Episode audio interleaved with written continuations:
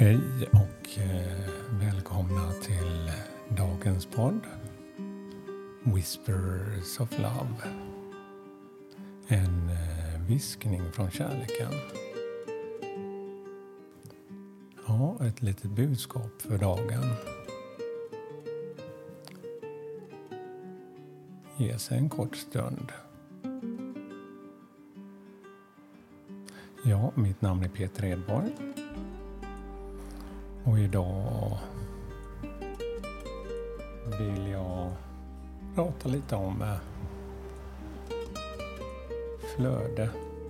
Följ flödet brukar man ju få höra. Go with the flow.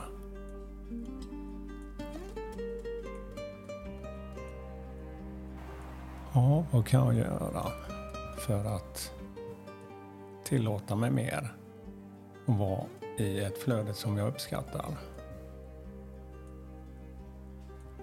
Ja, stannar man upp lite och funderar och reflekterar över det som man har varit med om i livet.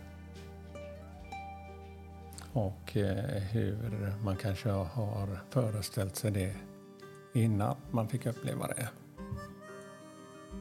Ja, vissa saker kan jag känna i alla fall att har eh, kanske inte alls blivit som jag hade kanske förväntat mig. Att det skulle verkligen lösa väldigt mycket för mig. Eller liksom att jag skulle känna att det här har uppnått det så ska allt bli så mycket bättre. Ibland så kanske man inte haft några förväntningar alls. Och eh, jag kan nog känna att det är de tillfällena som jag verkligen har fått så mycket uppskattning.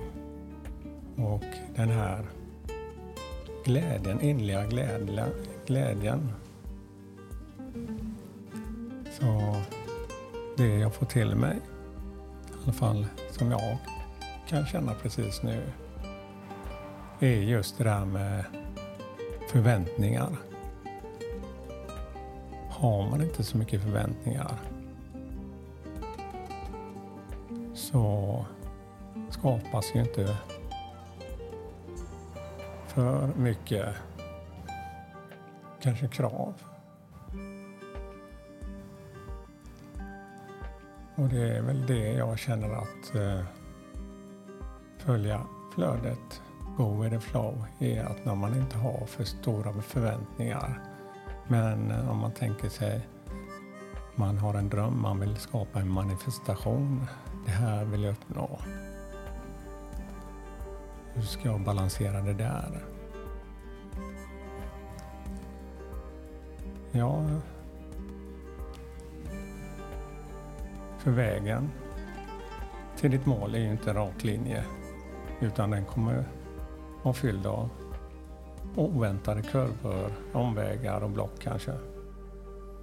Att bli frustrerad, arg och otålig har jag i alla fall erfarenhet att eh, det hjälper mig inte så mycket. Det tar väldigt mycket energi. Men självklart så kan man inte gå obemärkt eh, utan att reagera. Men eh, på något sätt kunna acceptera, lära sig acceptera att eh, det är inte ett rakt, rak väg. Ta erfarenhet av det här så att man inte ska hamna tillbaka till samma ställe igen. På något sätt, ungefär som man kan se om man promenerar ut i skogen eller någonting, man vet inte vägen med att man märker ut den här vägen med små band till exempel. Då vet man ju om man ska snurra runt att oj, här har jag varit tidigare.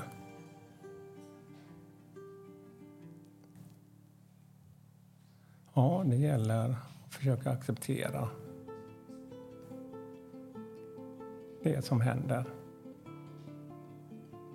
Hitta den här rytmen och flödet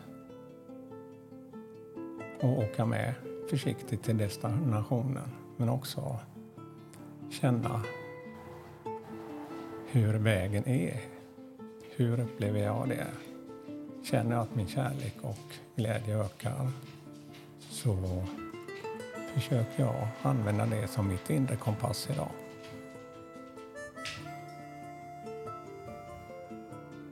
Och att man stannar upp. Det är väl det som är grunden för mig idag, precis som vi gör här. Stannar upp, reflekterar. Hur känner jag?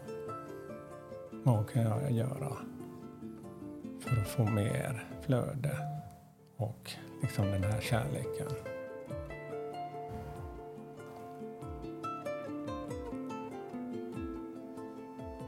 Uppskattning. Se vad man redan har.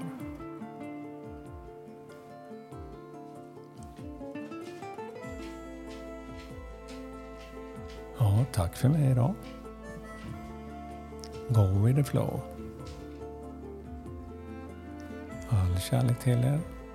Tack igen för att ni lyssnar. Hej då.